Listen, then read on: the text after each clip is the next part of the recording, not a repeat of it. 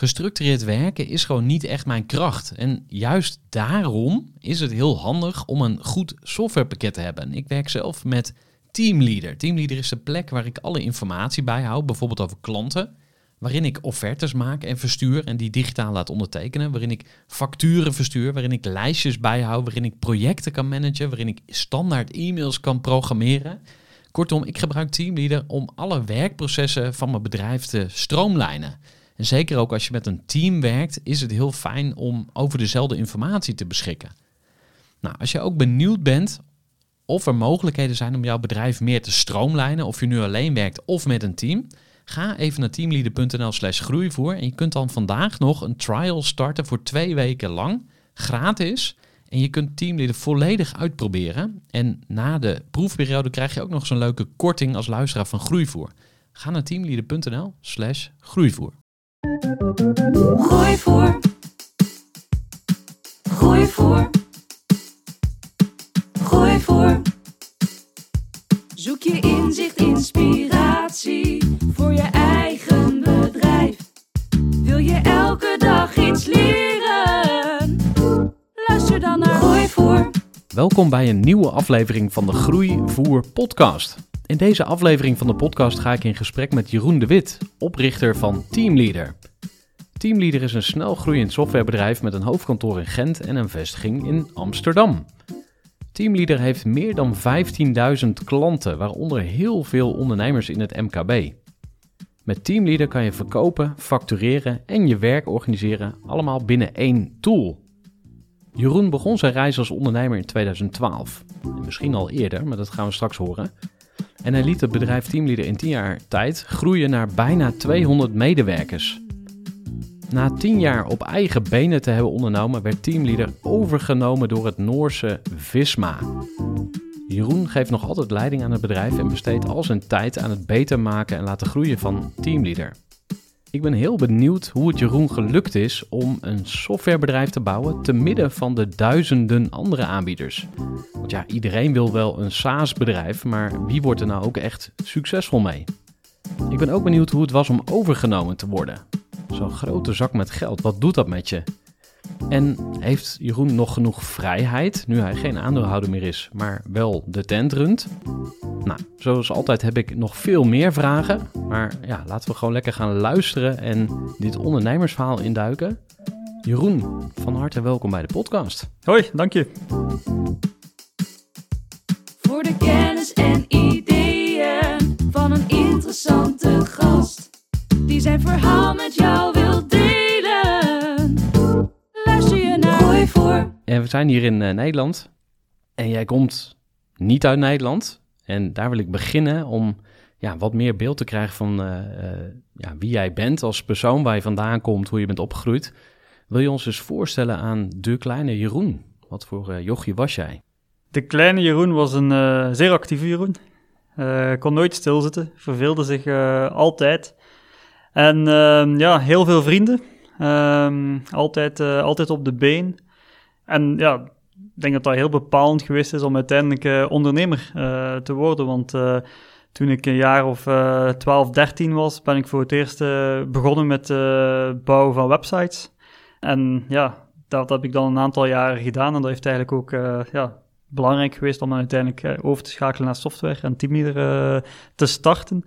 Ik, eh, ik studeerde sport, eh, jeugdbeweging, ik was ook, eh, ik was ook DJ, veel gamen, noem maar op. Maar vooral altijd bezig, elke minuut van de dag proberen nuttig in te zetten. Ja. Broertjes of zusjes? Twee broertjes, jonger dan, dan mezelf.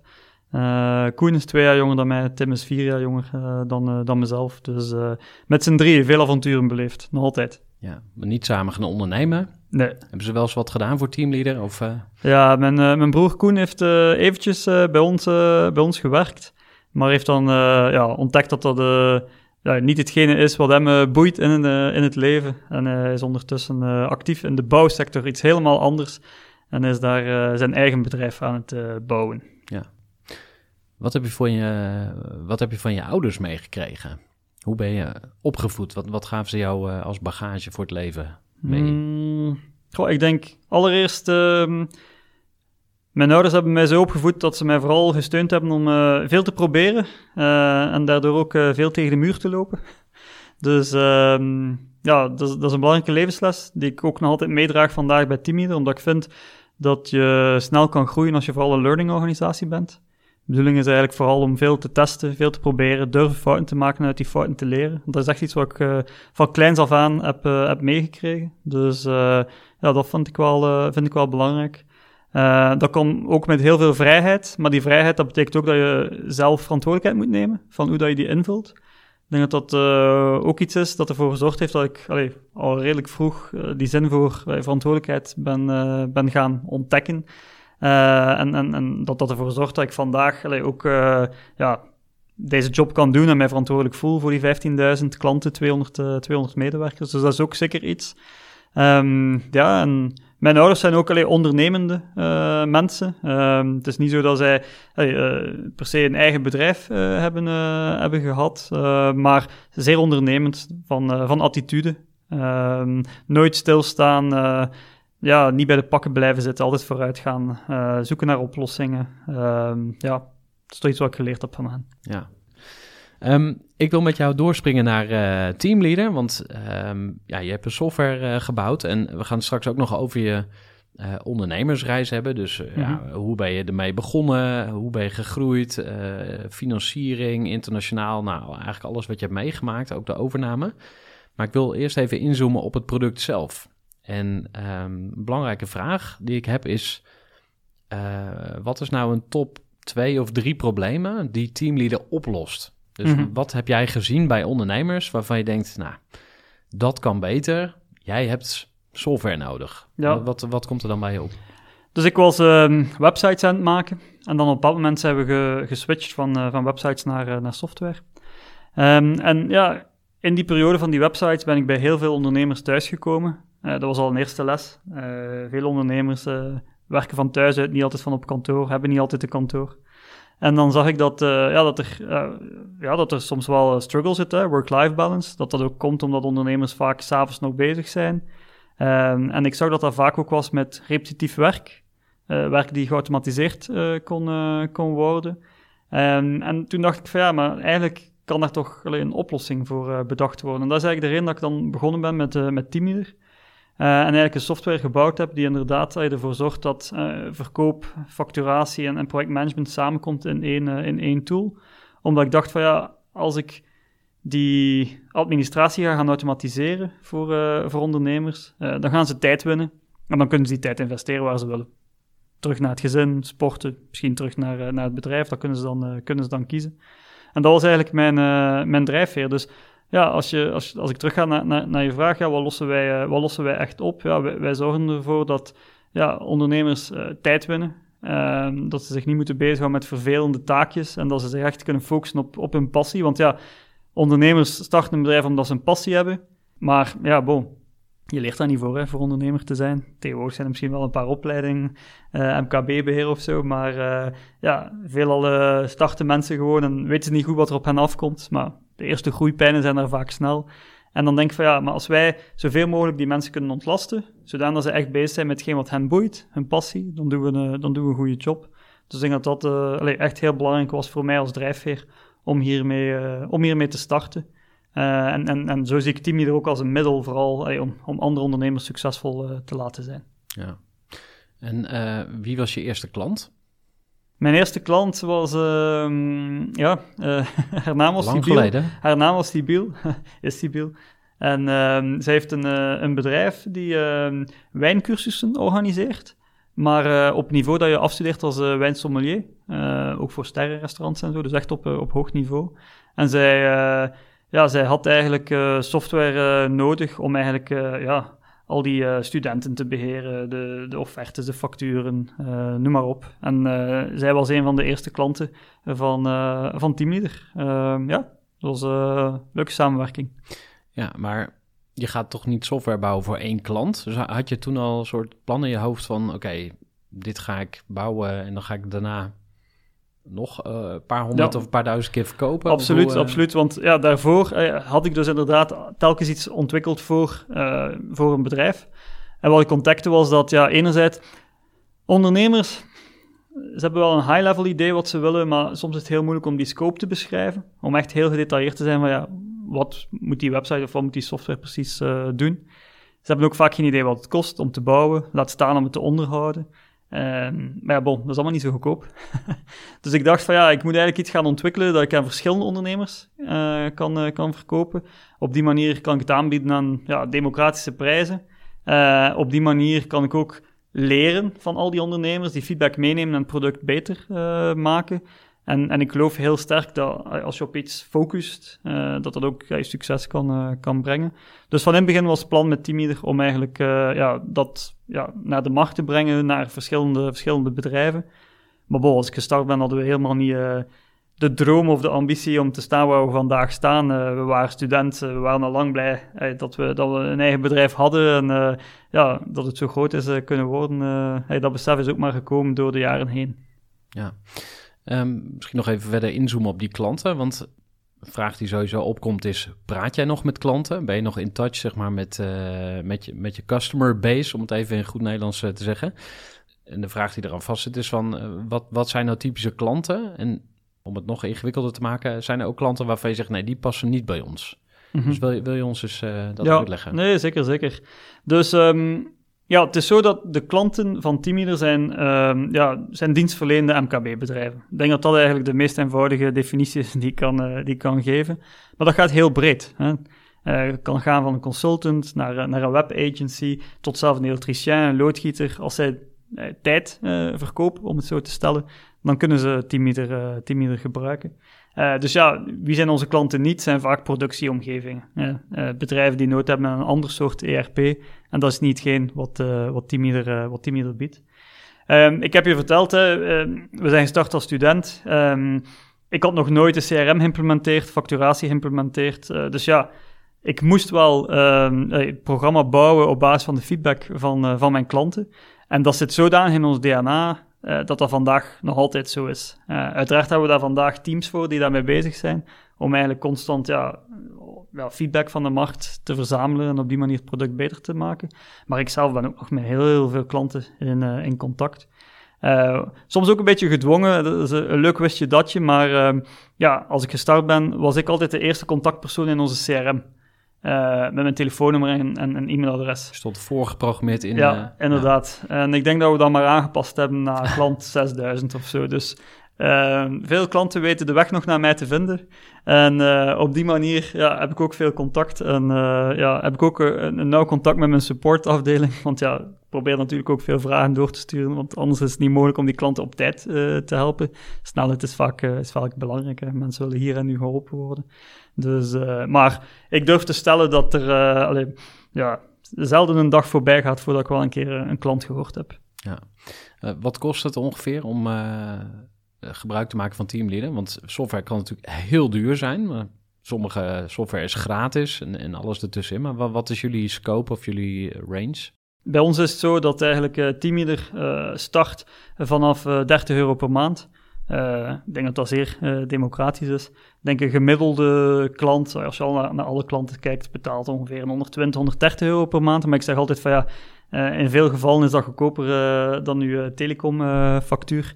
dus, en, en, dat is voor mij ook belangrijk. Zorgen dat hij zo een sterke tool in handen kan komen van, van ondernemers, van, van bedrijven, en dat prijs niet afschrikt. Ja.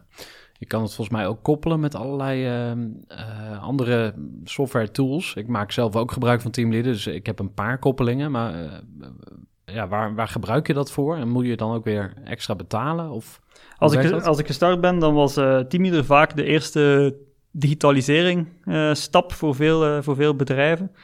En in 2016, 17 had ik door van ja, ondernemers beginnen nu verschillende tools te gebruiken naast elkaar in de cloud. Uh, en toen dacht ik van ja, ik moet ervoor zorgen dat we die tools connecteren uh, en dat we dat ook uh, visueel maken naar onze klanten. Dus daarom zijn we toen gestart met onze marketplace. Um, en vandaag zijn dat meer dan 300 integraties met andere softwareproducten. Dus dat zorgt ervoor dat bijna letterlijk elk ander softwareproduct met Teamleader kan geïntegreerd worden. Wat echt wel meerwaarde is voor onze, voor onze klanten. En wat we zien is dat een gemiddelde klant toch wel meer dan vier integraties actief heeft. Ik weet niet de exacte cijfer, maar het is, het is iets, meer dan, iets meer dan vier.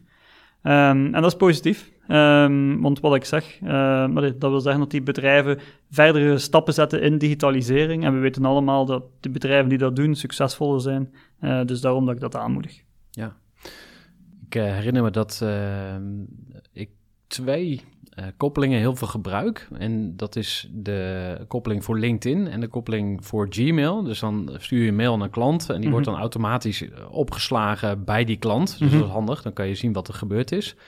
En op LinkedIn kan je dan, uh, als je iemand aanklikt, dan kan je met één klik kan je ze in het systeem zetten. Dus stel je hebt een prospect, hè, je denkt van nou, deze, deze persoon wil ik wel uh, als klant. Dan kan je hem dus eigenlijk meteen in je CRM zetten. Dus dat vond ik echt. Uh, ja, en dat is trouwens een van onze meest gebruikte integraties, die LinkedIn-integratie. Mensen vinden dat bijzonder handig. En inderdaad, met één klik voeg je iemand toe aan de CRM. En hey, dat is belangrijk, want mensen willen uiteindelijk zo weinig mogelijk uh, inputten, hey, invullen. Uh, dus we zoeken naar manieren. Als je een KVK-nummer invult, dan gaan we automatisch hey, bedrijfsnaam en adresgevers en zo gaan, op, gaan opvragen. Misschien hebben we nog meer informatie die we kunnen toevoegen.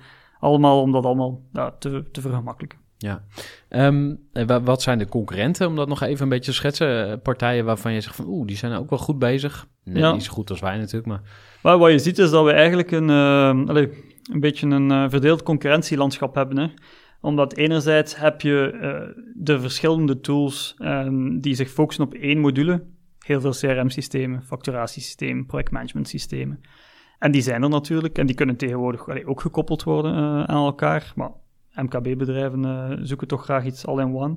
En dan all-in-one heb je ja, de global spelers, Salesforce, Microsoft Dynamics, noem maar op. Maar eigenlijk gericht zijn op grotere bedrijven. Maar bon, die hebben zo'n naamsbekendheid dat een klein bedrijf soms ook een keer verleid wordt om daarnaar, uh, daarnaar te kijken.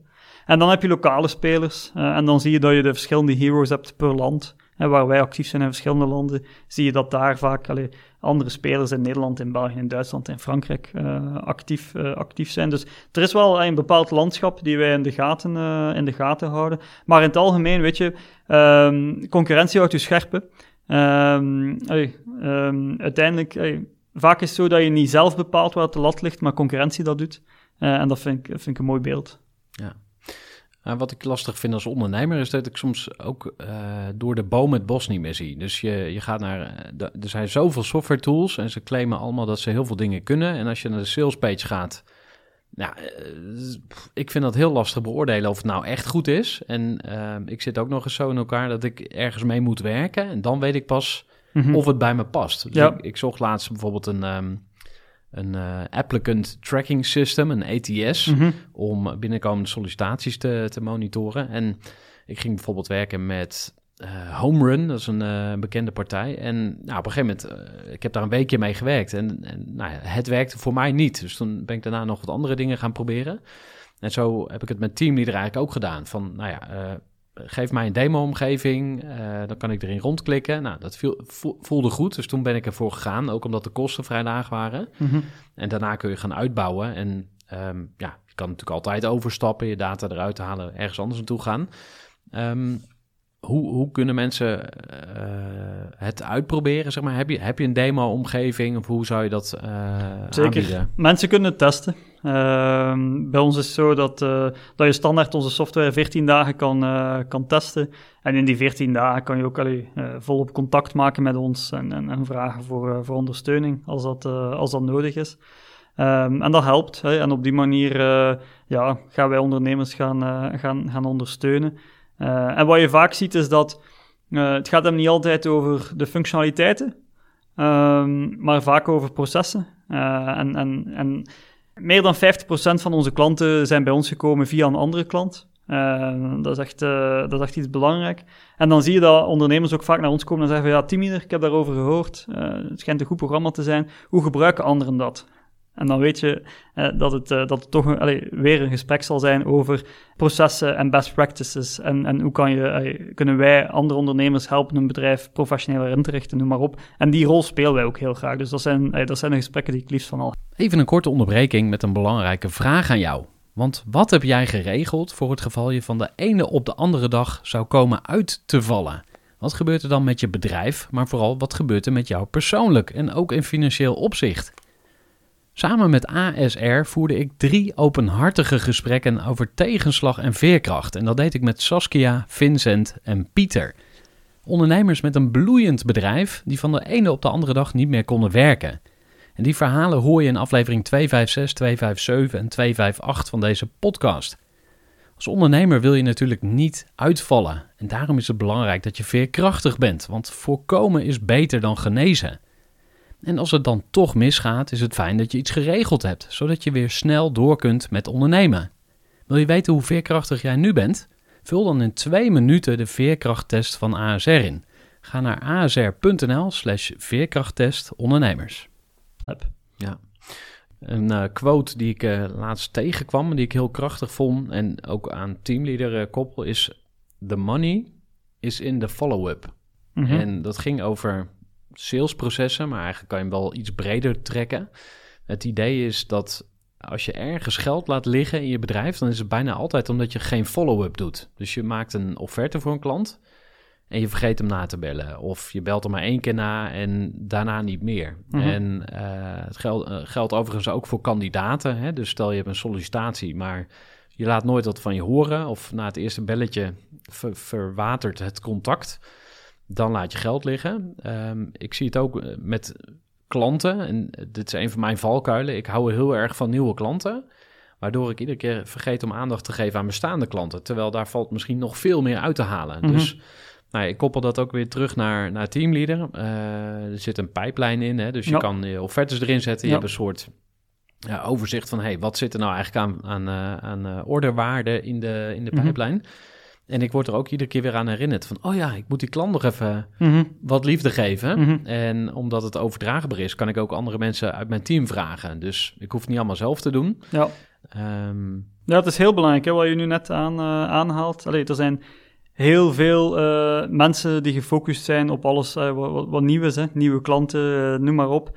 maar de meeste waarde zitten in, inderdaad vaak bij de bestaande klanten. Het gaat trouwens ook over medewerkers. We zijn allemaal bezig over de war of talent en, en, en, en hoe moeilijk het is om nieuwe mensen te zoeken. Maar ja, de key is, om, is, is, er in de eerste plaats voor te zorgen dat mensen blijven. Hè.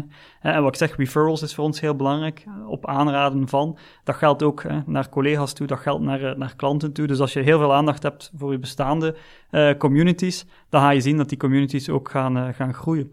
En heel specifiek naar functionaliteit ja, helpen wij ondernemers uh, daar inderdaad in.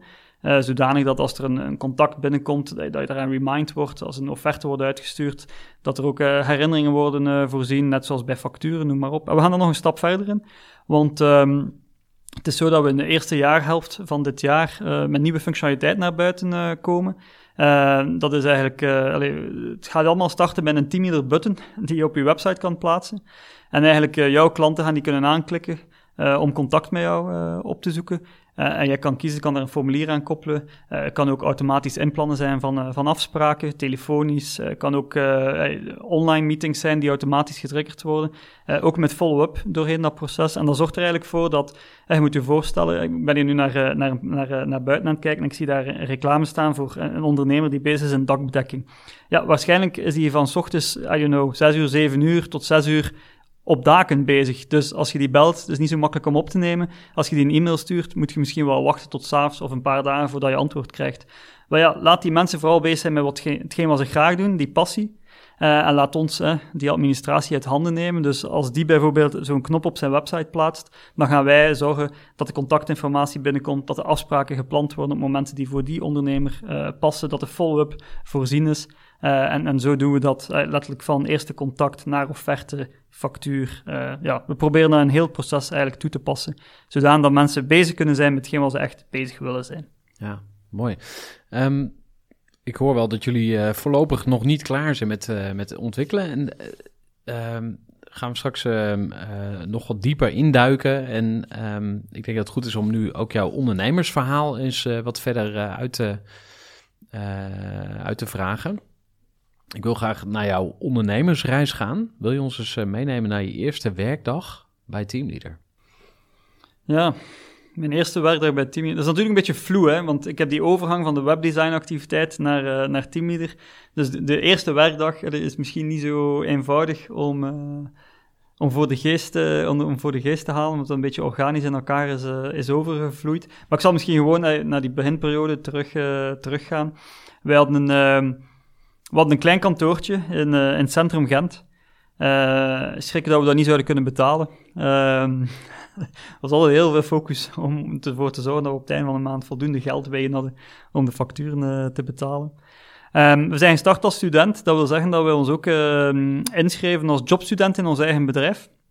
Ja, dat zorgt ervoor dat onze kinderen ook het kindergeld en dergelijke behielden. Ik weet niet of dat in Nederland ook zo noemt, kinderbijslag misschien of zo. En ja, wij studeerden, hè? dus uh, dat wil zeggen dat we niet fulltime op kantoor waren. Wij, wij, liepen naar buiten, naar de les, keerden, keerden terug. Um, en ja, wat ook altijd plezant was, is dat ja, ik was veel op de baan naar ondernemers, maar er waren ook veel ondernemers die bij ons zouden komen, die, die zoiets hadden van zo'n klein bedrijfje, kan een keer gaan, uh, gaan checken. En, uh, en s'avonds uh, kwamen altijd vrienden langs. We hadden zo'n bar in ons kantoor. En uh, s'avonds vanaf een bepaald uur kwamen altijd vrienden langs. En die bleven dan iets drinken. en dat waren altijd leuke avonden. dat was een beetje een typische, typische dag. Wat we ook deden, tussen 12 en 1 naast eten, was ook altijd online gamen tegen elkaar. Uh, ja, Age of Empires was een van onze favoriete spelletjes. Uh, en dan zouden we dat altijd uh, een soort van mini-landparty organiseren tussen 12 en 1. En even zo snel mogelijk een wereld opbouwen en elkaar proberen te verslaan. Dat, dat, was ook wel onderdeel daar, daarvan. Dus dat, was, dat een hele allez, inspirerende plek voor, voor ons, waar veel samenkwam omdat we op dat moment, wat ik zeg, nog met veel zaken bezig waren. Studeren, ondernemen, die, die vriendschapsbanden verder, verder ontwikkelen. Um, leren ondernemen. Um, maar ja, dat was wel, dat was wel tof. Um, ja, heel leuke plek voor ons. Ja, en je, je zei we. Heb jij ook compagnons? Ben je begonnen met vrienden of zo? Of? We zijn gestart met drie. Uh, en dan zijn we eigenlijk relatief snel gegroeid van drie naar een team van zeven. Dus we eventjes blijven, uh, met, met die zeven hebben we dan in de beginjaren eventjes verder, uh, verder gegaan. Want ja, ik ben in juli 2012 gestart. En ik denk in, in, in, in begin 2015 waren we met ongeveer, ja, ik denk 17 mensen of zo, om je een idee te geven. Ja, maar dat waren niet allemaal compagnons? Nee. Jij, jij, was altijd enige aandeelhouder? Nee, of met, uh, met drie. Met drie ja. Dus uh, en, uh, en Willem zijn mijn, zijn mijn co-founders. Matthias is vandaag nog altijd actief bij, bij Teamleader. Willem heeft uiteindelijk Teamleader verlaten. dat zal ongeveer 2016 geweest zijn. Ehm, maar die heeft ondertussen alweer andere bedrijven opgestart. Laatste bedrijf Officient, verkocht aan Exact. Uh, software. Dus uh, die heeft de smaak te pakken. Uh, en ja, dat is leuk. Op die manier onderhouden we ook nog altijd contact met elkaar. Ja, was geen pijnlijke exit? afscheid nemen is altijd moeilijk. Ehm, ik denk dat je dat niet mocht onderschatten. want ja, als je samen iets begint, dan ben je niet bezig hè, rond de afscheid.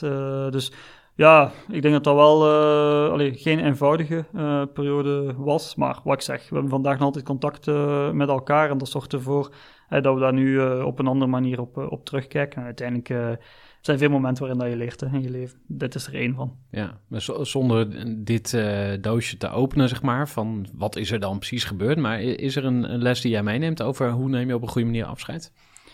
Goh, ik denk dat ehm, belangrijk hierin is dat ehm, als we samen gegaan zijn, eh, en zeker ook als er investeerders aan boord komen zijn, ja, dan, dan ga je ook gaan opschrijven. Hè? Als het niet goed loopt, hoe gaan we dan afscheid nemen van elkaar? En ik denk wat belangrijk is geweest in dit proces, is dat we die tekst daar niet hebben bijgenomen, snap je? Die was er wel, maar die hebben we er niet bijgenomen. We zijn aan tafel gaan zitten en we hebben hierover gepraat en we zijn tot een, uh, tot een consensus, uh, in overleg gekomen met, met elkaar. En ik denk dat dat altijd belangrijk is. En dat is iets wat ik altijd geleerd heb, ook later hè, in beslissings, beslissingen die we genomen hebben in het bedrijf. Uh, want je hebt dan een raad van bestuur en die heeft zoveel stemmen en die heeft zoveel stemmen. Maar we hebben nooit gestemd op de raad van bestuur. We zijn altijd met elkaar blijven praten. We hebben altijd gezorgd dat er, uh, dat er een win-win was voor iedereen. En dat er consensus was, alignment was. Zonder dat dat wil zeggen dat je soms niet kunt disagree. Het mag stevige discussie zijn en soms, weet je, disagree en commit. Dat is ook belangrijk, vind ik, als, uh, als attitude. maar ja, eigenlijk op die 10, 11 jaar hebben we er nog nooit de papieren moeten bijnemen. En dat vind ik belangrijk. Ja, en de les is dan ga aan tafel, ga het blijven gesprek praten. aan? Of, uh, ja. Blijven praten. Gewoon altijd blijven praten, blijven communiceren. Uh, wanneer dat je stopt met praten, dan weet je dat het moeilijk wordt. Ja. En doen de Vlamingen dat ook nog weer anders dan Nederlanders? Want ik zie meteen een uitgebreide lunch met wijn en alle toeters en bellen. Is dat een cliché? Wat- Onze. Burgondische levensstijl is geen cliché, maar zeer aanwezig. dus eh, lunchen, eh, diners, noem maar op, eh, dat is nog altijd zeer, eh, zeer aanwezig. Gelukkig is het wel wat gezonder geworden, merk ik, door de jaren, eh, door de jaren heen. Dus dat is, eh, dat is wel mooi. Eh, maar inderdaad, ik denk dat dat anders is. Ehm, maar sommige clichés kloppen ook niet, hè, want wordt vaak gezegd dat Nederlanders soms directer zijn dan, dan ons Vlamingen. Maar om eerlijk te zijn, eh maar daar weinig van. Misschien omdat ik zelf een vrij directe stijl heb, waardoor dat mij, misschien minder opvalt. Maar, eh, dus ja, sommige clichés kloppen, andere weer niet. Maar in het algemeen, weet je, we hebben veel gemeen met elkaar. Ehm, je hebt iets verteld over die start-up fase. Je nam ons mee in dat eh, nou, sprookje, zou ik bijna willen zeggen. Je begon ook te glimlachen toen je het erover had. dus het was een mooie tijd. Ehm, vat ik even zo samen. En ehm, ik ben wel benieuwd, als je nou één ding anders had mogen doen, wat zou dat geweest zijn? Ja, ik denk dat ik van in het begin eh, een veel internationale parcours eh, zou afgelegd hebben. Ehm, we zijn gestart, ehm, we hadden nog niet echt door wat, we, wat we in handen hadden eh, van potentieel. En in het begin, eh, ja, weet je, focust u op uw, eh, ja, op, uw, op uw markt die je het beste kent, onder de kerktoren. Je zoekt ook je eerste medewerkers onder de kerktoren. En, en dat zorgt ervoor dat je ja, in zekere zin ook wel echt zo een Vlaams bedrijf wordt. En dan zijn we wel naar Nederland gegaan, maar dan ja, ben je toch nog altijd zo, weet je een Belgisch-Nederlands eh, verhaal. Terwijl ja, talent kan je overal vinden, wereldwijd. Klanten kan je overal eh, vinden. Eh, er is zoveel, zoveel te leren. Die globalisering heeft, heeft ook veel goeds gebracht. Ik denk zeker naar, naar ondernemers, ondernemerschap. En dus ja, mocht ik een tip geven aan de jongere Jeroen, toen hij startte met dan zou ik zeggen van ja, van in het begin internationaler gaan. en eigenlijk bedrijf niet rond de kerktoren gaan bouwen, maar, maar veel meer voor die, ja, ik het zeggen, die globale, eh, internationale groei gaan. Ja. Ja. En de start-up fase was voorbij. Je had die 50 mensen in dat eh, eerste kantoortje. Toen ging je naar de volgende stap. En wat gebeurde er toen? Ik kan me voorstellen dat het dan ook groter... Ja, het wordt groter, misschien onpersoonlijker. Je gaat allerlei structuren verzinnen. Ik weet niet hoe jullie dat aangepakt hebben. Maar kun je eens vertellen over die volgende fase? Maar onpersoonlijk is het nooit geweest. Hè. Ik denk wat Teamleader typeert is een heel sterke cultuur. Eh, ik ben iemand die enorm bezig is met values ook. Eh, dus onpersoonlijk is het nooit, eh, is nooit geweest. Maar ik denk wel dat er een, een periode is geweest waarbij dat we... Ik weet, er is een periode geweest waarbij we heel snel gegroeid zijn. Ik denk, ja, we hebben drie of vier jaar op, op een rij omzet verdrievoudigd. Dan kan je voorstellen, ja, dan, ja, dan komt je zo elke groeipijn tegen die je kunt, die je kunt inbeelden. Ehm, wat dat je jezelf onder druk zet. Maar daardoor leert je jezelf ook kennen. Een van onze values is bijvoorbeeld Be a Lobster. Eh, en dat gaat naar het verhaal hè, hoe kreeften groeien. Hè. Ze hebben eigenlijk eh, een rigid shell, hè, dus die, die shell groeit niet mee met die kreeft. Dus de enige manier voor die kreeft is om op een bepaald moment, als die onder druk staat, is om die shell af te werpen, onder een rots te gaan zitten, een nieuwe te groeien en naar buiten te komen. Ik vind dat een heel mooi verhaal. En ik vind dat ook past bij wie we zijn als bedrijf, omdat eh, soms helpt het niet eh, om, om te blijven putten uit diezelfde eh, oplossingen of, of toolbox. Soms moet je een keer eh, letterlijk eh, eh, een, nieuwe, een nieuw omhulsel gaan, gaan, gaan creëren. Een keer even onder een, rot zitten, gaan nadenken om dan die volgende groeistap te zetten. Ik vind ook fantastisch in dat verhaal dat het is net... Weet je, die, het feit dat je soms moeilijk hebt en dat je een keer onder druk staat, onder stress staat, dat dat net de stimulus is om te groeien. En dat je dan op dat moment niet opgeeft dus ik vind dat echt eh, een heel mooi verhaal. Dat gaat dus over adaptability. En dus Be a Lobster is voor ons een van onze ja, core values bij ons in, eh, in een bedrijf waar we enorm mee bezig zijn en mensen ook in, eh, in meenemen. Omdat dat ervoor zorgt dat je niet, niet vasthoudt aan hetgeen wat vandaag werkt, zonder dat je daar onrespectvol naar, naar bent ook. Maar om een voorbeeld te geven. Ja, hoeveel kernwaarden hebben jullie? Eh, we hebben er eh, vijf waar we, waar, we mee bezig, eh, waar we mee bezig zijn, heel actief op, op, op werken. Ik zou ze allemaal kunnen opnoemen, maar misschien naast uh, Be Lobster, Speak the Same Language, vind ik ook een heel mooie. En je zou die zeer letterlijk kunnen nemen. Uiteraard is, is taal belangrijk. Hè. Een Duitse klant wordt, wordt graag geholpen eh, in, in het Duits, dus je kan het Hmm. echt heel letterlijk nemen. Maar wat voor mij ook belangrijk is, is dat Speak the Same lang- Language betekent voor mij ook ehm, dat wij nooit mogen vergeten dat wij zelf ook een bedrijf waren van drie, vier, vijf, zes mensen in de beginjaren. En dus eh, ik zou het jammer vinden dat als wij in contact gaan met ondernemers en MKB-bedrijven, dat wij, snap je, dat we, dat we het gevoel zouden geven van ja, wij weten het allemaal, we zijn een bedrijf van 200 mensen. Nee, nee. Wat dat wij vooral moeten doen, is dezelfde taal spreken, bijna op ooghoogte gaan staan van die ondernemer en duidelijk maken dat de, dat de opportuniteiten en, en, en challenges dat die ondernemer heeft, dat wij die ook eh, hebben, eh, hebben gezien, doorgemaakt hebben. Ehm, en, en, en daarom dat dat voor mij ook bijvoorbeeld zo'n belangrijke, belangrijke value is, speak the same language. En dat gaat trouwens ook onder collega's, hè. Eh, iedereen komt binnen met een andere achtergrond, andere ervaring, andere expertise niveau.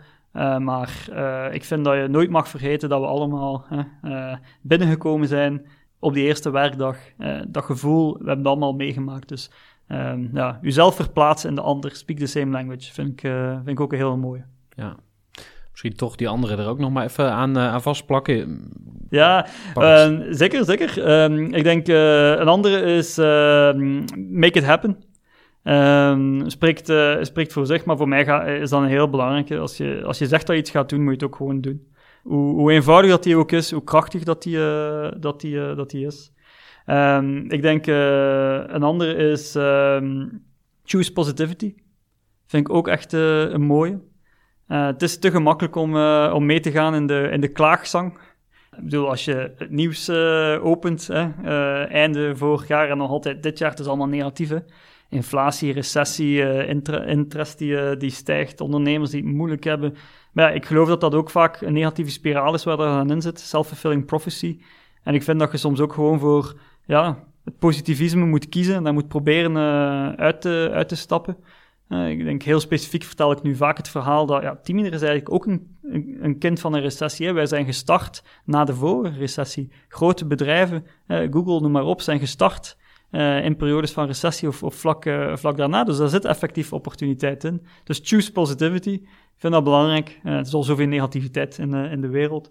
En, dan, en dan de laatste is ehm, be surprising. En dat heeft alles te maken met under promise, over deliver.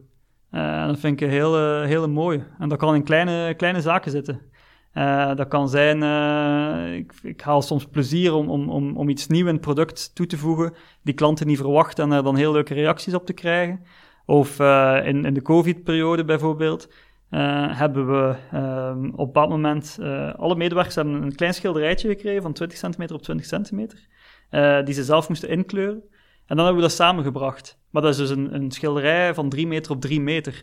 En dan had ik gebeld eh, naar het Designmuseum in Gent, want ik zei, ik heb een schilderij en ik wil graag dat het op zijn minst één dag in een museum hangt. En ze hebben dat toegestaan en onze burgemeester is het komen onthullen. En dan denk ik, snap je, zo be surprising. Dat is zo het, hetgeen wat je onmogelijk acht, eh, dan toch gaan realiseren, mensen op een positieve manier gaan, eh, gaan verrassen. En, en het levert leuke verhalen op. Ik kan hier vertellen over het feit dat wij allemaal samen een kunstwerk hebben gecreëerd die in een museum heeft hangen, al was het maar één dag. Mooi. En hoe, hoe hou jij je mensen ondernemend? Want hè, je werkt zelf keihard als ondernemer. Dan je eerste groepje medewerkers ook nog. Hè, die hebben ook die start-up vibe. En dan op een gegeven moment word je zo groot. En ik kan me voorstellen dat ja, heel veel mensen vinden het wel leuk om bij een start-up te werken. Of bij een scale-up. Dat ziet er allemaal, le- het kantoor ziet er mooi uit. En iedereen loopt op sneakers. En voor je het weet dan denk een beetje aan het, het suikerspin-effect of zo. Ik kan het niet zo goed uitleggen, maar eh, mensen gaan eh, rond kunnen lopen zonder dat ze super productief zijn. Dus hoe, hoe zorg je dat mensen het zelf ook graag willen? Zit dat in die kernwaarden of doe je dat op een andere manier? Ik denk dat dat in veel zaken zit. Ehm, dat zit in de waarden die we meepakken, onder andere in sollicitaties. Ehm, wij organiseren ook eh, twee keer per jaar een, een evenement, Work Smarter, in, in België en in, in Nederland. En daar komen dan eh, in België laatst meer dan duizend ondernemers en ik denk in, in Nederland ongeveer een 700-tal ondernemers. En heel het bedrijf is daar aanwezig, 200 mensen. Eh, wij bedienen zelf eh, de vestiaire, de badges, de bar, noem maar op. Aha. En dat zorgt ervoor dat, ehm, dat iedereen in contact is met klanten, wat ik heel belangrijk vind. Dat wij ons ook tonen. En dat zorgt voor ja, een mooi, mooi gevoel, eh, fierheid ook. Dus dat zit ook, eh, zit ook daarin. Ehm, wij zijn ook een bedrijf die mensen niet eh, gaat gaan afrekenen, allee, zoals veel bedrijven, dag van vandaag, op hoeveel uren je werkt. Het gaat hem over wat hebben we afgesproken dat we samen gingen realiseren en hebben we dat ook gerealiseerd. Wij gebruiken daarvoor de methodiek van OKR's bij ons in het bedrijf, Objectives, Key Results. Dat zorgt er ook voor dat mensen zich niet kunnen wegsteken. Uh, accountability is iets, uh, is iets heel belangrijk. Ownership is iets heel, uh, is iets heel belangrijk.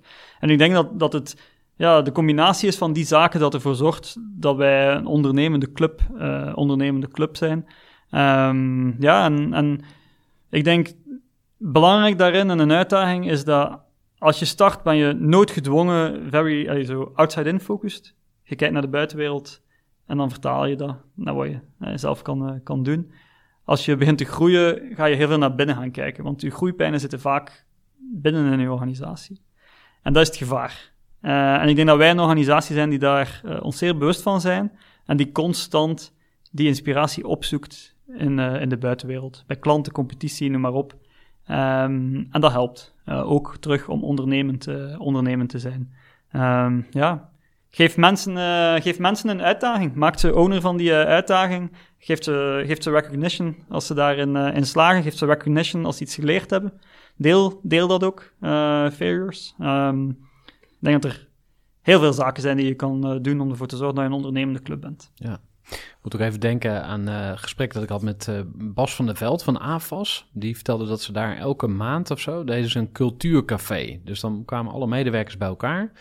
En dan werd er een verhaal verteld over een, een, een klant. Hè, dus uh, gewoon een positief verhaal van... hey, dit hebben we goed gedaan. En waarschijnlijk ook eh, wat ging er niet goed en wat kunnen we daarvan leren. En, en hij zei van ja, ik geloof niet in visie, in missie, strategie... allemaal dingen van flipovers. En uh, je kan je kernwaarden verzinnen en aan de mhm. muur hangen. Maar je moet het tot leven brengen. brengen. Dus ehm, dat deed hij op die manier. Ja, nee, ik denk dat dat slim is. Hè. Als we verder gaan op, op, op, die, op die waarden. Hey, een van de zaken die wij... Wij geloven in, in zo die continuous feedback culture. Hè, dat betekent dat mensen constant feedback geven aan elkaar. En dat klinkt evident, maar dat is moeilijk. Hè. Uh, feedback geven, feedback ontvangen, dat is niet evident. Wij moeten, wij moeten mensen daarin begeleiden. Ik ben daar zelf ook moeten in begeleid worden, om daar echt uh, beter in, uh, in te worden. Uh, maar als mensen feedback geven aan elkaar, um, of dat dan nu positief is of constructief, dan vragen we ook altijd om die feedback terug te brengen naar de values. Um, en en hey, op die manier, nogmaals, is dat geen poster aan de muur, maar help je echt gewoon mensen om die values toe te passen, dagdagelijks. Ja. Mooi. We hebben het gehad over de start-up fase. We zijn een beetje begonnen in de scale-up fase. Want je vertelt ook uh, over hè, je, je rol. Want je rol is natuurlijk heel erg veranderd ook in die zin. Zijn er nog meer dingen die opvallen eh, in, in jullie uh, geschiedenis, zeg maar, over jouw ondernemersreis? Dat je zegt van, hé, hey, we hebben een hele duidelijke fase doorlopen.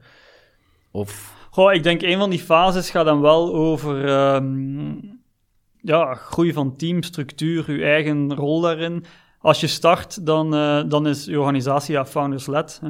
De founders nemen de beslissingen. En dan op dat moment ga je gaan groeien en ga je leadership uh, gaan, uh, gaan aannemen. managementteam wordt dan, wordt dan gecreëerd. En vandaar hebben we, hebben, hebben, ja, hebben management, maar ook een leadership en, en dan de, de, de volledige organisatie. Dat betekent dat je jezelf ook moet heruitvinden. Uh, wat dat je eerst direct aanstuurt, moet je dan indirect uh, gaan influencen. Dat is iets helemaal anders. Dat, is, of dat lijkt me dat is heel ingewikkeld. Ga, ja, dat is iets... Je ja, wilt toch iedere keer weer het stuur, het stuur pakken van ja, ik zie het gebeuren, maar ik mag niet ingrijpen. Ja, dus, ja, ik bedoel, uiteindelijk... Uh, hey, je, je rol evolueert. Hè. Vandaag ben ik misschien veel meer een coach van, van andere leaders die, die, die op hun beurt veel meer operationeel impact kunnen maken dan, dan mezelf. En dus je moet ontdekken... Hè, Um, hoe dat, dat gaat, die groei. Uh, of dat je dat ligt. Welke rol dat je zelf wilt innemen als, uh, als, als, als founder. Um, dus ja, ik denk dat dat wel typische groeifases zijn die we hebben doorgemaakt, die andere bedrijven ook wel uh, zullen, zullen herkennen. Um, en, en ja, dat gaat ook vaak gepaard met de grootte van je organisatie. En als je heel snel moet, moet groeien, als, er, als er jaren zijn dat je soms tussen de 50 en 100 medewerkers aanneemt, bij wijze van spreken, ja, dan, uh, dan komt er veel onder druk te staan. Uh, dan moet je snel leren. Dan is het belangrijk dat je die uh, attitude hebt. Ja. wie hebben jou het meest geholpen? Wat, wat, zijn mensen die omhoog komen waarvan je denkt van, oh ja, dat is echt een belangrijke mentor? Of, Ja, ik denk, ehm, we hebben het al vaak over klanten gehad, maar er zijn echt een aantal klanten geweest die mij enorm geholpen hebben. Die, um, ja, die fantastisch vonden waar we mee bezig waren en die belangeloos eigenlijk allee, ons als jonge ondernemer worden ondersteunen. En altijd dankbaar voor. Uh, en, die, en die hebben ons echt, uh, echt geholpen. maar ook intern, op dat moment als je groeit, heb je de luxe dat je mensen kunt aannemen met ervaring. en daar zijn ook een echt, echt een aantal mentors in geweest voor, voor mezelf. mensen die, die, die, die een key positie hebben ingenomen, een teamleader, maar die ook er een, een, job van gemaakt hebben om mij toch te coachen uh, uh, van in het bedrijf. Vond ik ook altijd mooi om, om te zien. En daarnaast, ja, last but not least, mijn investeerders, waarbij ik altijd uiteraard Duco Sikkingen benoem, van Fortino Capital, heeft geïnvesteerd in, in voor de eerste keer in 2014 aan boord gebleven tot, tot aan de verkoop nu bij, bij Visma 2022. Dus ja, dat is acht jaar. Dat is lang voor, uh, voor een VC. En, en die man heeft mij bijzonder veel, uh, veel bijgebracht. Hè. Ik denk enerzijds, het komt altijd terug, hè, ook omdat hij mij vrijheid gegeven heeft en mij tegen de muur heeft laten lopen. Wat echt goed werd bij mij. Uh, veel builen op mijn hoofd. Maar um, ja, dat is iemand die, uh, ja, die echt wel uh, ja, een belangrijke coach is, geweest. Dus ja, je ziet het op verschillende niveaus. klanten, medewerkers, investeerders. ja, dus ja, ik heb dat altijd ook wel opgezocht. Um, en weet je, soms, soms adviseert iemand u voor een kortere periode, soms voor een langere periode. En ik denk dat het allemaal oké is. Ja. En om hem nog wat concreter te maken, wat is iets waar jij en Duco het altijd over hadden? Wat heb je echt van hem geleerd? Maar misschien twee zaken. Ik denk enerzijds, um, ik denk enerzijds uh, altijd um, die outside-in blik uh, houden. Uh, en altijd gezond zenuwachtig zijn rond wat de competitie doet. Niet, niet jezelf in slaap wiegen en denken we zijn goed bezig en we kunnen iedereen aan. Daar heel kort op zitten ik denk dat dat iets is. Ik, denk het tweede punt is alles rond metrics. Uw cijfers kennen, ten alle tijden. Uh, zorgen dat goed nieuws uh, snel landt, maar ook slecht nieuws snel bij iedereen komt, zodat je brainpower kunt verzamelen om er iets, om er iets aan te doen. ik denk een derde punt gaat, gaat over cultuur en, en mensen. Heel veel rond, rond mensen. Altijd leuke adviezen gekregen van hem. Een van die adviezen was van als je iemand wil aannemen en je hebt een goed gesprek met die persoon, uh, waarom neem je dan die uh, persoon zijn, uh, zijn of haar manager niet aan? Want hij gelooft er heel sterk in dat hij dan waarschijnlijk ook een goede manager heeft. En, en zo ook altijd het advies gegeven van ja, er op die groei, ga voor, uh, noemde dat soms zo, een jasje groter. Hè? wat je denkt dat vandaag niet nodig is, is misschien binnen een paar maanden wel nodig. En zo, ja, altijd zo, weet je wel, het durven doen, het durven dromen, het durven voor gaan, grootser denken. Uh, dat heb ik echt wel, uh, dat heeft hij enorm gestimuleerd. Ja. waar ben je zelf het meest in gegroeid? Goh. Als persoon? Communicatie, denk ik. Ik ben iemand die van nature uit een beetje conflictvermijdend is. Uh, je gaat mij veel zien en veel horen en, en, en, en, veel zien praten als het goed gaat. Maar in conflict situaties veel minder. Allee, althans, daar ben ik wel in, in gegroeid. Um, dus ja, dat is een belangrijke, uh, belangrijk geweest voor mij. Daarom dat ik in, eerder in het gesprek ook zeg van ja, blijven communiceren. Dat is, zo, uh, dat is zo belangrijk. Feedback geven, dat is niet makkelijk. Feedback ontvangen is niet makkelijk. Ik denk dat dat daar ook allemaal uit, uit voortkomt. en daar heb ik echt wel veel in geleerd. Mooi. Ik wil graag naar de overname. Want op een gegeven moment kwam er een partij aankloppen met een hele grote zak geld. Kun je ons eens vertellen hoe dat ging? en waarom heb je ja gezegd? Ja, dus um, ja, gedurende de afgelopen 10, 11 jaar heel veel, uh, ja, heel veel relaties onderhouden hè, met, uh, met de buitenwereld. En dat is ook uh, met, met VC's, private equity, strategische partijen. Omdat ik erin geloof dat um, ja, als het moment daar is om bijvoorbeeld geld op te halen of, of noem maar op, ja, eigenlijk moet je ervoor zorgen dat die relatie uh, reeds gebouwd is. En als je er dan pas aan start, dan ben je veel te laat. Ik denk dat veel van die start-up founders, en, en, misschien ik in het begin ook wel hoor, daar te laat mee starten. Je moet echt relaties gaan opbouwen. En dan op een bepaald moment, als je elkaar kent en vertrouwen, is het ook veel makkelijker uh, om dan dingen te gaan accelereren. En dat heeft ervoor gezorgd dat ik in de afgelopen ja, tien jaar heel veel partijen sprak. Um, en uh, zo is ja, ongeveer een vier jaar uh, geleden, of, of, drie jaar voor de overname, Visma op mijn radar gekomen. En dan hebben we ook drie jaar af en toe contacten gehad met, met elkaar. Um, zij vroegen naar mij hoe dat met me was. Ik, ik, stelde ook soms vragen aan hen. Ik kwam in contact met bedrijven die, die deel uitmaakten van die Visma-familie. ik kende ook een aantal bedrijven die ze overgenomen hebben, dus ik kon ook leren. Hoe is dat dan? Uh, en eigenlijk, op, op dat moment uh, wou ik eigenlijk ervoor zorgen dat we niet met onze rug tegen de muur zouden staan. Met andere woorden, dat we niet plots eh, gedwongen naar een exit zouden moeten, eh, moeten gaan. En dan zijn er opties, hè, ofwel nieuwe VC's aan boord halen, private equity, strategen, er zijn ook nog andere opties. Maar ik had echt een heel goed gevoel bij Visma, omdat wat u van A naar B brengt, brengt u niet per se van B naar C. Hè. Ook weer dat verhaal van hè, be a lobster, adaptability, onder die rot gaan zitten. En ehm, ik merkte dat Teamleader wel in een fase was gekomen waarbij dat er ehm, nood was aan uh, nieuwe input, nieuwe best practices, nieuwe learnings. Um, en dat, dat een nieuwe omgeving ons wel goed zou doen. En dat enkel uh, geld uh, investeren in een bedrijf misschien niet antwoord was. Uh, en Visma, ja, prachtige omgeving, snel groeiend. en, en zij bieden ook ondernemers de mogelijkheid om uw brand te behouden, uw bedrijf verder uit te bouwen en, en vooral te teren of, of in te zetten op die sterktes die, die, die, die daar aanwezig zijn in die, in die groep. En dus uh, samen met mijn aandeelhouders beslist, eigenlijk uh, begin vorig jaar in 2022, om, om de gesprekken met hen ja, serieuzer te gaan, te gaan voeren. en ja, nog geen dag spijt gehad. Ja. Wat voor tips heb je voor ondernemers die overwegen om hun bedrijf te verkopen? Je gaf net al een belangrijke tip van ga eigenlijk nu al praten of onderhoud altijd contacten met ja. Hè, potentiële kopers, maar misschien nog wat meer gefocust op uh, de deal closing. Zeg maar. Heb je daar inzichten over? Gewoon niet focussen op die zak geld. ik denk dat dat belangrijk is. Well, omdat dat niet, volgens mij niet het belangrijkste is in het leven. Ik denk dat je moet focussen vooral op, uh, allez, op die why en, en, en je eigen rol en, en, de rol van, van uw collega's in, in het nieuwe verhaal. En, en waar gaat het naartoe met uw product, uw dienst, uw, uw, uw bedrijf.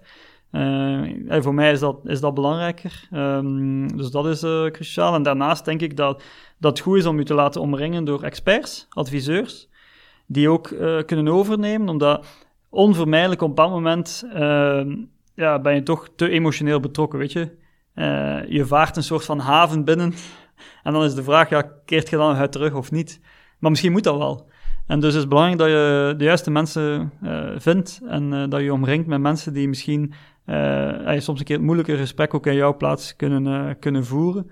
Zodanig dat je, je eigen belangen ook goed verdedigd worden. Ik denk dat dat ook belangrijk is. Ja, ja en wat als de deal niet doorgaat, hè? Want dan moet je dus weer op eigen kracht verder. En dan, ja. tenminste, dat lijkt me dan... Maar, dat, maar dat, komt, dat komt weer terug bij het feit van, ja, begin op tijd om die relaties te, te, ontwikkelen. En dat betekent ook vooral, ga niet in zo'n gesprek als het van moeten is. Ja, weet je, dat is de theorie er zijn altijd verhalen waar dat niet anders kan. Hè. Wie ben ik om een ander ondernemer de les uh, te, te, lezen? Maar um, ja, probeert, uh, dat is ook zo bij geld ophalen. Hè. Probeert geld op te halen wanneer dat je het niet nodig hebt. Uh, en probeer misschien, als je interesse hebt om je bedrijf te verkopen, te verkopen op het moment dat niet moet. Zodanig als je dan toch weer alleen verder moet, dat dat ook geen probleem is. Ik denk, denk dat je het daar moet zoeken.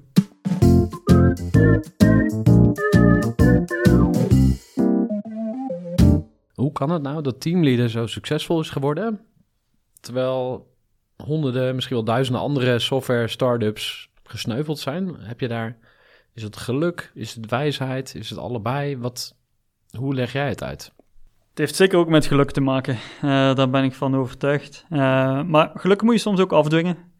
Um, en ja, ik, wat, wat is zo'n moment waarop je geluk hebt gehad dan? Goh, Bijvoorbeeld, wij hadden een. Uh, ik kreeg plots een uitnodiging om naar een evenement te gaan. In de beginperiode van Teamleader. Um, ik ben daar naartoe gegaan. Op dat evenement sprak um, Fortino Capital, die later investeerder geworden is van Teamleader. Ja, weet je, misschien had ik die nog wel tegenkomen. Maar je weet het natuurlijk niet. En misschien had ik wel, weet je, het geluk om die uitnodiging te krijgen, om daar te zijn, eh, om dat moment eigenlijk uh, te hebben. Dus ja, weet je, sommige puzzelstukken moeten ook gewoon uh, goed vallen. Um, en, en, anders was het misschien een andere journey. Misschien ook geen slechte, who, who knows. Um, maar voor mij, eigenlijk is er al veel gezegd in, in, in dit interview. Ik denk, trouw blijven aan uw values. Uh, teruggaan naar, naar hetgeen wat je succesvol heeft gemaakt. Die klanten, uh, bouwen met je klanten, groeien met, met, met, met je klanten. ik denk in die zaken zit zoveel, zit zoveel, zit zoveel wijsheid. En ik denk naar mij persoonlijk ook gewoon niet vastklampen aan die titel of die rol. nieuwsgierig blijven, weet je, die jonge Jeroen die heel nieuwsgierig was en nog steeds is vandaag. Gewoon nieuwsgierig blijven, leergierig blijven en, en, en openstaan voor, uh, voor veranderingen en opportuniteiten die op je afkomen. Um, ja, dus geluk dwing je af, maar weet je, je moet ook uh, openstaan voor opportuniteiten, want anders gaat het ook niet gebeuren. Ja. Sluiten af met jouw beste ondernemersles. Het mogen ook meerdere zijn, maar wat, wat zijn één of twee ondernemerslessen waarvan je zegt van je mag alles wat we besproken hebben vergeten, maar neem dit in ieder geval mee. Ja, misschien moet ik gewoon iets uitdiepen wat inderdaad al korter aan bod gekomen is in, in het interview. Ik zei terloops, eh, het zijn vaak de momenten van verveling die dan zorgen dat de creativiteit weer, uh, weer boost. Um, en eigenlijk moet je daarin investeren. Um, en wat ik geleerd heb en wat ik dus ook doe, is om uh, op bepaalde momenten tijd te nemen voor mezelf. En eigenlijk die verveling op te zoeken en ervoor te zorgen dat mijn geest weer ruimte krijgt om te denken. Uh, en op die manier geïnspireerd terugkomt naar het bedrijf. vol ideeën, vol energie om er weer voor te gaan.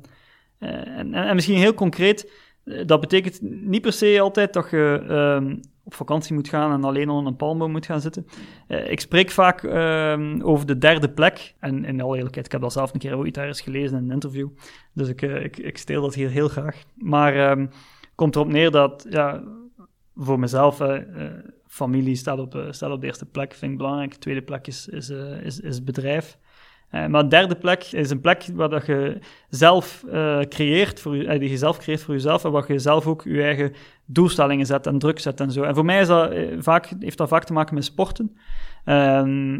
ik ben niet de meest afgetrainde atleet, maar ik loop graag, ik fiets graag. Ik heb al een keer een half triathlon gedaan, ik heb al een keer een marathon gedaan. Maar voor mij, al die clichés daar kloppen. Hè. Dus vooral de journey die belangrijk is, niet, niet zozeer het doel. Maar voor mij belangrijk is vooral dat als je dan zo vier, vijf uur op een fiets zit, of je zit drie uur aan het lopen, dat zijn ook momenten, hè, de, de inspanning zorgt voor de ontspanning, dat zijn momenten dat je ja, gefocust bent op een of andere manier, dat je zorgt dat je geest ruimte krijgt om te denken, hè, dat je na, vijf uur fietsen kunnen soms iets zijn, maar als ik nu nog op die fiets, maar plots krijg je dan eh, ideeën die naar boven komen. Dus die derde plek, hè, uh, een plek waar, dat je, waar dat jij verantwoordelijk bent voor, voor, voor, de, voor de doelstellingen die je zet, of, of geen, maakt eigenlijk allemaal niet uit. Naast je werk, naast je, naast je gezin, en dat helpt mij wel enorm. Mooi, mooie tip. Dus ga je vervelen en doe dat ergens ja. buiten. Creëer, ja. creëer dat voor jezelf. Ja, een plek waar dat werkt voor jou. Ja, ja mooi. Dankjewel dat je in de podcast wilde zijn, Jeroen. Uh, graag gedaan. Bedankt voor, uh, voor de uitnodiging. Kijk er enorm naar uit. Top. Gooi voor. Gestructureerd werken is gewoon niet echt mijn kracht. En juist daarom is het heel handig om een goed softwarepakket te hebben. Ik werk zelf met Teamleader. Teamleader is de plek waar ik alle informatie bijhoud, bijvoorbeeld over klanten waarin ik offertes maak en verstuur en die digitaal laat ondertekenen, waarin ik facturen verstuur, waarin ik lijstjes bijhoud, waarin ik projecten kan managen, waarin ik standaard e-mails kan programmeren. Kortom, ik gebruik Teamleader om alle werkprocessen van mijn bedrijf te stroomlijnen. En zeker ook als je met een team werkt, is het heel fijn om over dezelfde informatie te beschikken. Nou, als je ook benieuwd bent of er mogelijkheden zijn om jouw bedrijf meer te stroomlijnen, of je nu alleen werkt of met een team, Ga even naar teamleader.nl slash groeivoer en je kunt dan vandaag nog een trial starten voor twee weken lang, gratis. En je kunt Teamleader volledig uitproberen. En na de proefperiode krijg je ook nog zo'n leuke korting als luisteraar van Groeivoer. Ga naar teamleader.nl slash groeivoer.